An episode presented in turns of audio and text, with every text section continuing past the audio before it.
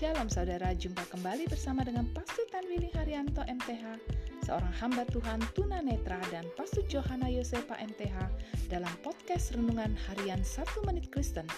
Di dalam podcast ini, kami membagikan kebenaran dari Alkitab yang dimulai dari kitab kejadian sampai kitab wahyu. Selamat menikmati.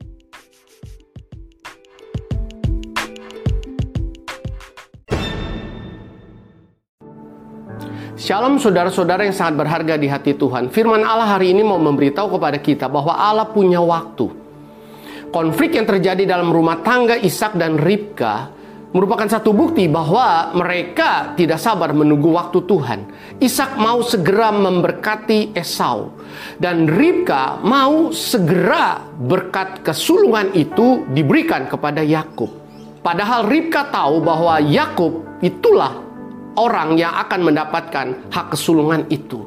Hari ini saudaraku, kita harus menyadari bahwa seperti kita punya waktu, Allah juga punya waktu. Dan Allah tidak pernah terlambat dengan waktunya.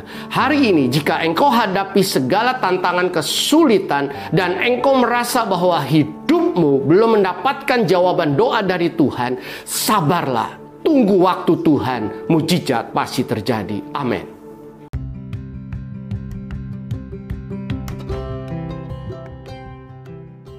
Terima kasih saudara telah mengikuti podcast Renungan Harian 1 Menit Kristen.